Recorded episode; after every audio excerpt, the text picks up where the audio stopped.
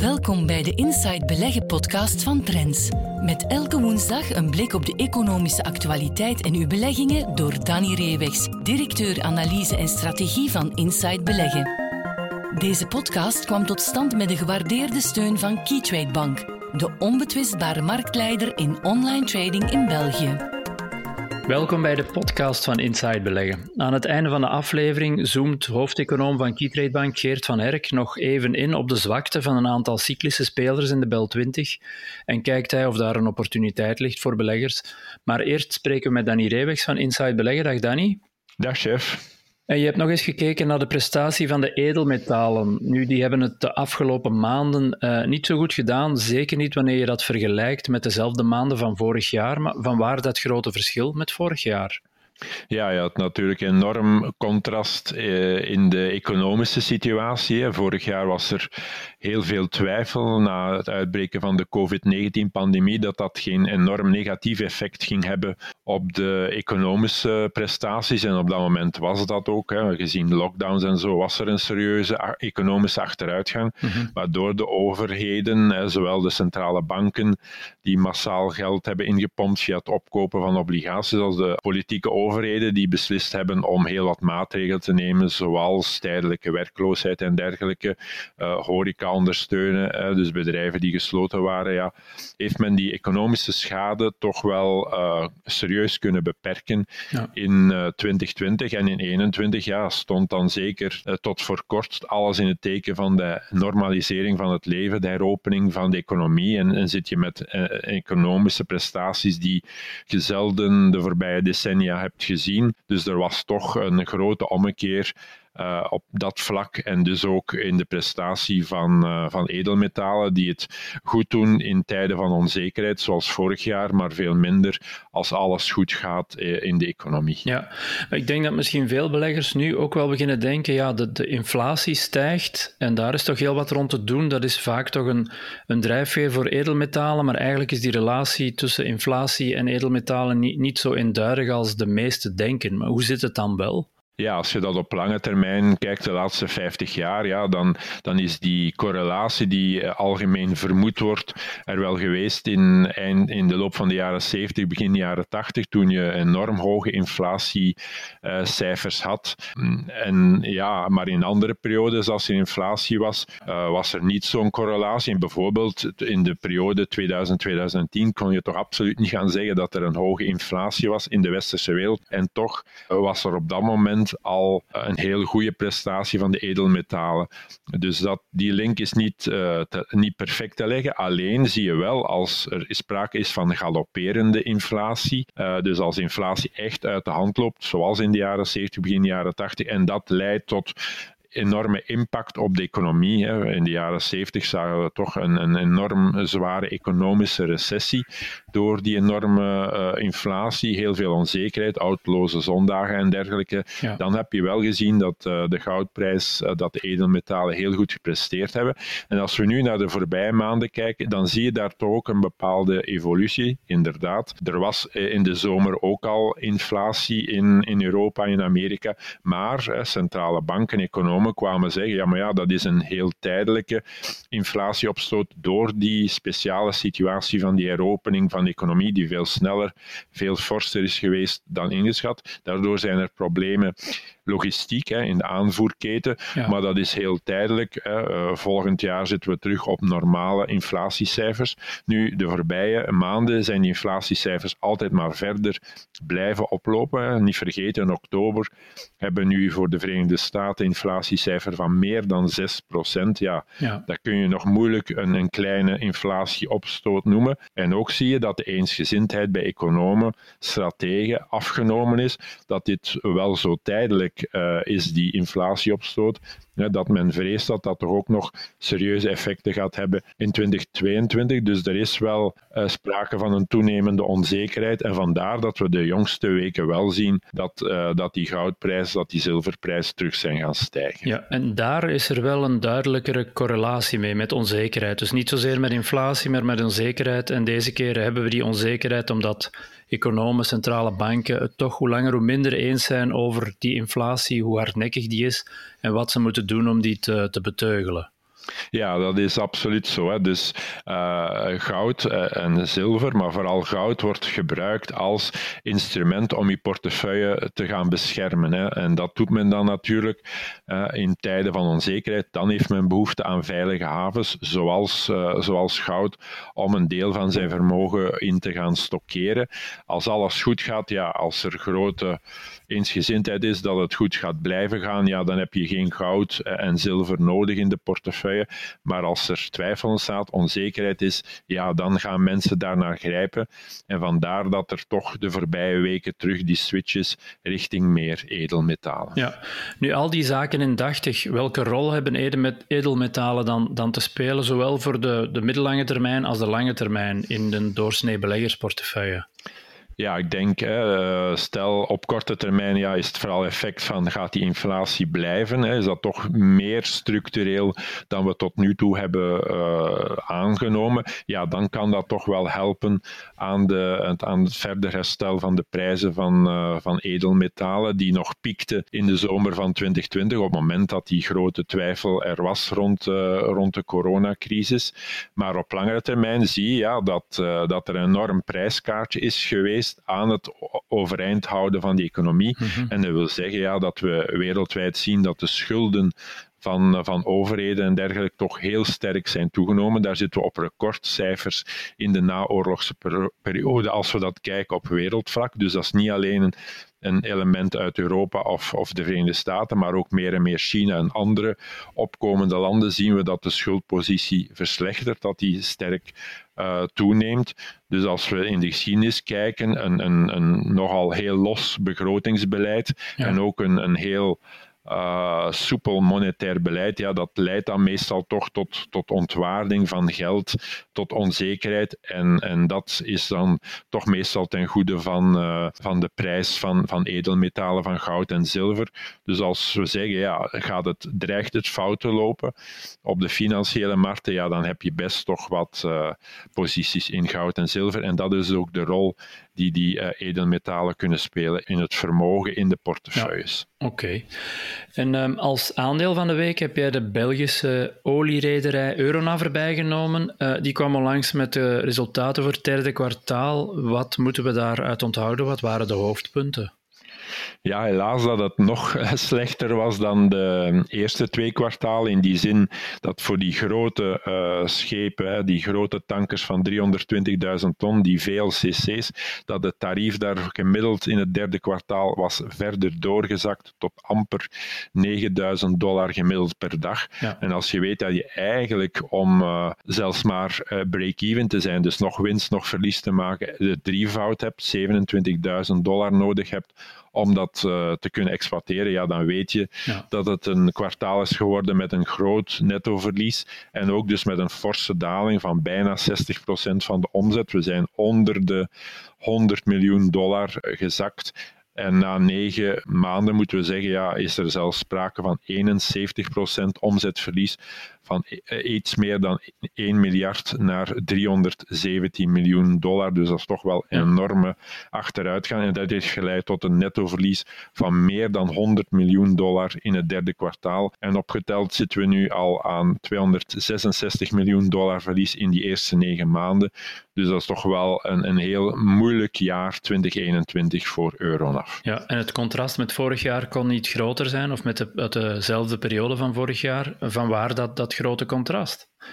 Ja, vorig jaar uh, kwam dan die coronacrisis, de uitbraak van die COVID-19-pandemie. En dan werden die tankers gebruikt om olie op te slaan. Er was dus heel veel uh, vraag naar, uh, naar die olietankers. Mm -hmm. En op dat moment zijn die tarieven door het dak gegaan. Hè. Dat zagen we bijvoorbeeld in het derde kwartaal van vorig jaar een gemiddeld tarief nog van 42.000 dollar per dag gemiddeld, hè, tegen nu maar 9.000 dollar. Dus dat is bijna het vijfvoud. Ja. En zag je na negen maanden in 2020 dat uh, er meer dan een half miljard netto winst was. Dus tarieven kunnen in functie van vraag en aanbod enorm gaan uh, variëren. En nu in dit jaar heb je gezien ja, dat op vlak van olieproductie, dat de OPEC Plus minder sterk die productie tot nu toe heeft opgevoerd. Dat is heel goed geweest voor de stijging van die olieprijs en dus voor die inflatie. Maar dat is natuurlijk slecht nieuws geweest tot nu toe voor die tankerrederijen, die, waar dat, ja, de vraag toch minder is naar die tankers dan, dan voorzien en de tarieven dus bijzonder laag zijn gebleven tot nu toe. Nu, een paar slechte kwartalen. Is de vraag of Euronav er financieel robuust genoeg voor staat om, om dat door te komen? Ja, hoe staat het er financieel voor? Het heeft wat schulden, maar uh, zijn die problematisch? En, kan het uh, de komende kwartalen nog, nog doorploeteren? Ja, dat is geen risico voor. Traditioneel is Euronav in de sector eh, eentje met een, een zeer jonge vloot, ook met een belangrijke positie in die sector en ook met meestal een relatief beperkte schuldpositie. Nu, natuurlijk, met drie slechte kwartalen op rij is die wel opgelopen en op 30 september was er een netto schuld van 1,65 miljard dollar of een schuldgraad van een 49 procent. Die schuldgraad eind vorig jaar was nog 37 procent. Maar er is nog een cashpositie van 162 miljoen en er zijn ook nog ongebruikte kredietlijnen van meer dan 600 miljoen. Dus we kunnen wel zeggen, ja, dat is niet zo leuk, eh, die uh, verhoging van die schuldgraad, maar die blijft al bij al toch nog binnen de perken. Zeker als we dat gaan vergelijken met een aantal sectorgenoten. Ja, ja, ja. En dan los van het financiële is er ook in het aandeelhouderschap van Euronaf wel een en ander gebeurd. Um, daar is een speler bijgekomen. Uh, wie precies en hoe moeten we die situeren? Het gaat om de Noor John Frederiksen. Dat is echt wel een levende legende, een icoon in die uh, sector van, uh, van tankers. Uh, want hij is de, de grote man en de hoofdaandeelhouder van, van de concurrent van Euronav, met name het Noorse Frontline. Dus toch ook wel een, een heel belangrijke speler in die sector. Hij heeft ondertussen, via de bekendmaking van die transparantieregels, ja, hebben we gezien dat hij toch al meer dan 9% van de aandelen heeft van Euronav en daarmee de grootste individuele aandeelhouder is geworden. Nu, dat is op enkele maanden tijd gebeurd en dat roept natuurlijk vragen op en een speculatie van wat is Frederiksen daarmee van plan? Is dit een opportunistische belegging of gaat er toch om meer en wil hij eventueel uh, komen tot een samengaan van Euronav met, uh, met Frontline? Euronav zelf, zegt daar zelf op, over, ja, we verwachten eerder dat dit een opportunistische opportunistische investeerder is, maar we staan natuurlijk open om eventueel over een fusie te gaan, uh, te gaan spreken. Alhoewel de stopman, uh, de stoop van Euronav zegt, ja, ik zie toch eerder iets in het feit dat de grote spelers, zoals Euronav en zoals Frontline, eerder kleine spelers gaan overnemen. Ja. Dat gaat de sector ten goede komen. Hè. De efficiëntie, hè, beter operationeel werken van, van de sector. Dus ja, alles ligt daar open uh, qua kaarten en we, uh, we, weten niet goed wat Frederiksen van plan is. Maar het feit dat iemand met zijn palmares die positie opbouwt in Euronaf, wil toch ook wel iets zeggen? Moeten we daar dan uit aflezen dat, dat uh, het aandeel goedkoop noteert? ik weet niet wat jouw kijk is op, op, op de aandelenkoers nu en welke rol het nog te spelen heeft voor, voor beleggers. Ja, de voorbije weken, maanden is het aandeel mede door ja, dat er zo'n sterke koopinteresse was van Frederiksen, is het aandeel wel hersteld, maar het heeft dus maanden onder zijn intrinsieke waarde. Als we de optelsom maken van, van de uh, vloot die er bestaat, ja, die zat er toch wel duidelijk onder. We zitten daar nog een stukje onder, want hè, door de stijging van de grondstofprijzen, ook van de staalprijzen, zijn de, de waarde van de schepen uh, toegenomen, ook dus van de tweedehandsschepen. Ja. En we zien dat ook, dat dat leidt tot meer verschroting hè, van oude schepen, omdat, omwille van die aantrekkelijk hoge uh, prijzen. En dat is wel goed nieuws, want dat gaat samen met het feit dat uh, er op dit moment veel minder nieuwe tankers besteld zijn. Hè. We zitten daar ten opzichte van de bestaande vloot op het laagste pijl van de afgelopen kwart eeuw. Dus dat is toch wel heel lang. En dat heeft te maken met uh, het feit dat er heel veel interesse is voor andere schepen op dit moment op de werven, uh, op de scheepswerven.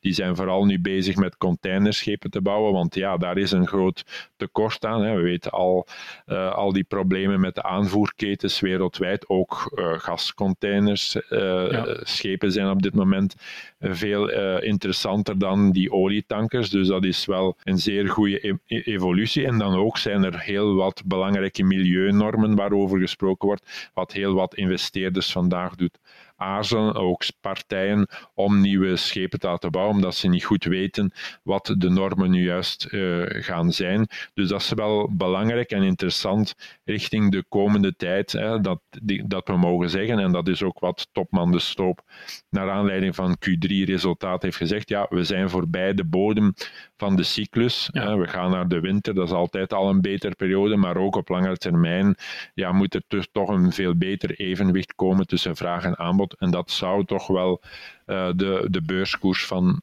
Euronaf moeten ondersteunen. Uh, uh, Frederiksen heeft niet voor niks, denk ik, zo'n positie opgebouwd.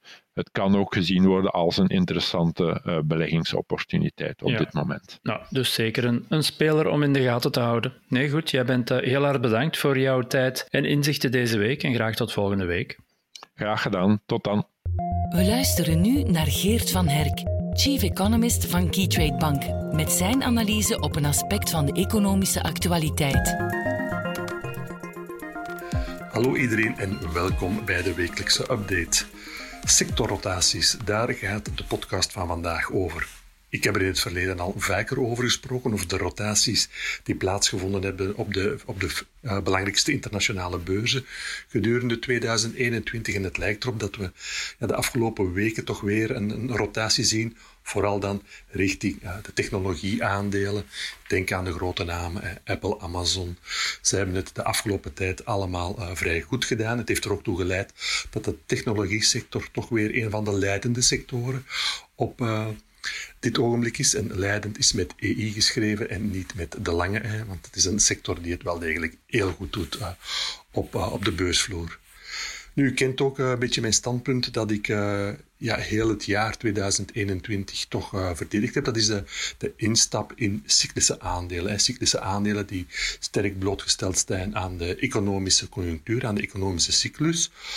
Uh, denk daarbij aan aandelen uit de energiesector, de grondstoffensector, uh, chemische bedrijven, ook staalbedrijven. die dreigen ja, ten eerste vanuit waarderingsstandpunt mijn voorkeur, maar ook een beetje vanuit een tactisch standpunt. omdat we toch nog zien dat die wereldeconomie tot op de dag van vandaag toch nog altijd ja, in een expansieve fase verkeert. dus vandaar, dat moet ook een steun zijn voor de ontwikkeling van de bedrijfswinsten van die cyclische bedrijven. Nu goed, dus de technologie doet het eh, de afgelopen tijd weer wat beter. We kunnen dat ook zien in onze eigen Bel 20-index. Als we naar ja, de aandelen die deel uitmaken van de Bel 20 kijken, dan zien we de afgelopen ja, twee, drie weken bijvoorbeeld een zeer mooie prestatie van Melexis, hè, toch het leidende Belgische uh, technologiebedrijf. Als we in België in technologie willen investeren, ja, komt automatisch Melexis op de radar te staan. Heeft het zeer goed gedaan een aantal cyclische bedrijven uit de Bel 20, uh, denk daarbij aan Umicore, Solvay en Aperam, die staan ja, de afgelopen, laten we maar zeggen, ja, twee, drie maanden toch wat onder druk.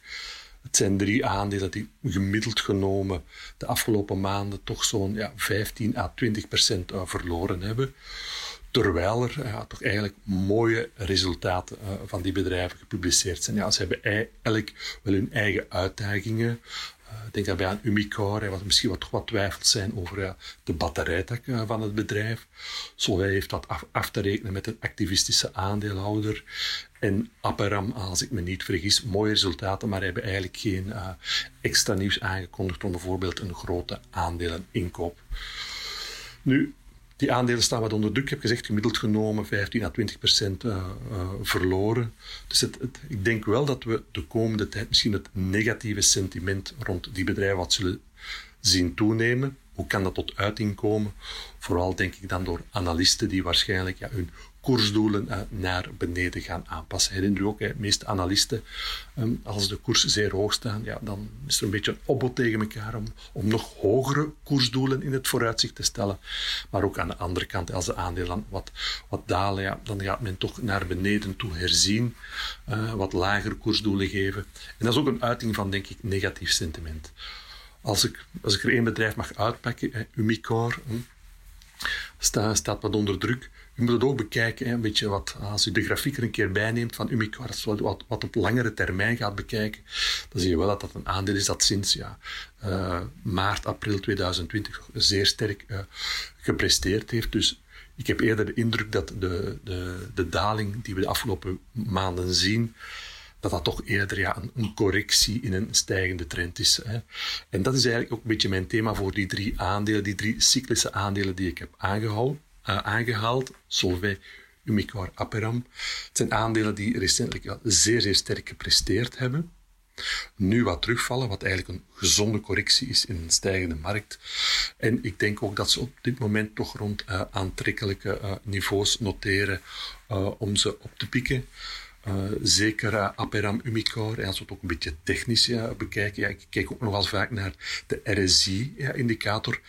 Die meet de overgekochtheid, dan wel de oververkochtheid van die aandelen.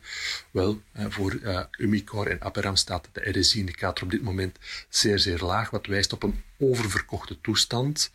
En in het verleden, als de RSI-indicator rond deze niveaus uh, noteerde, was dat altijd toch een, een, een, mooi instapmoment. Dus ja, zet die aandelen ook uh, een keer op, uw, op uw radar. Hè. volg, ze, volg ze wat op. Als je ziet dat ze begint te stijgen, ja, kan dat misschien verklaren dat het sentiment begint toe te nemen dat er opnieuw kopers komen die, die uh, het aandeel oppikken aan, aan wat lagere koersen. Uh, en zo kan hij natuurlijk mee uh, op de trein springen. Wat betreft Melexis, ja, van het momentumstandpunt is dit natuurlijk een, een zeer sterk aandeel. Het, het, ik denk dat het een van de, dit moment een van de beste aandelen is uit de Bel 20. We zitten ook dicht aan recordkoersen. Ja, het is eigenlijk ja, duidelijk de uiting van een zeer sterke onderliggende trend. Maar vergeet ook niet, hè, we hebben gezegd, als u Umicore, Aperam, Solvay wat vanuit een lange termijn standpunt bekijkt, dan zie je eigenlijk dat die aandelen zeer sterk gepresteerd hadden. Dat is voor, denk ik, Melexis uh, dit jaar een beetje anders. Het heeft in januari, februari wel heel sterk gepresteerd, maar is daarna eigenlijk in een horizontale uh, consolidatiefase uh, terechtgekomen, waarin we ja, nu de afgelopen tijd aan het uitbreken zijn. Dus het heeft wat op de achterbank gezeten, denk ik, van de, van de Bel 20, maar is nu echt, echt wel naar de voorgrond getreden. Dus, en wereldwijd zien we ook nog dat technologie toch een, aandeel, uh, een sector is uh, die sterk presteert. Dus uh, het is misschien een beetje contra-intuïtief, maar aandelen kopen wanneer zij op, een, op een hoogtepunt noteren, is eigenlijk ook wel een goede strategie. Want het is juist de uiting van een zeer sterke onderliggende trend, een, een stijgende trend, die ook altijd nog de neiging heeft om verder te gaan. Maar wat mij betreft, ik blijf toch het geloof behouden in, de, in de de cyclische aandelen, uh, die kennen een gezonde correctie op dit moment. Um, dus vooral op mijn kooplijst, uh, zeker ook ja, hier op het einde van uh, 2021, ook met een blik op 2022, blijven toch aandelen als Umicore, Aperam en Solvay staan. Dank u wel voor uw aandacht en tot volgende week. Tot zover deze aflevering van de Inside Beleggen podcast. Meer tips, advies en analyses voor uw beleggingen leest u morgen in Trends. Volgende week zijn we opnieuw. Deze podcast kwam tot stand met de gewaardeerde steun van Keytrade Bank, de onbetwistbare marktleider in online trading in België.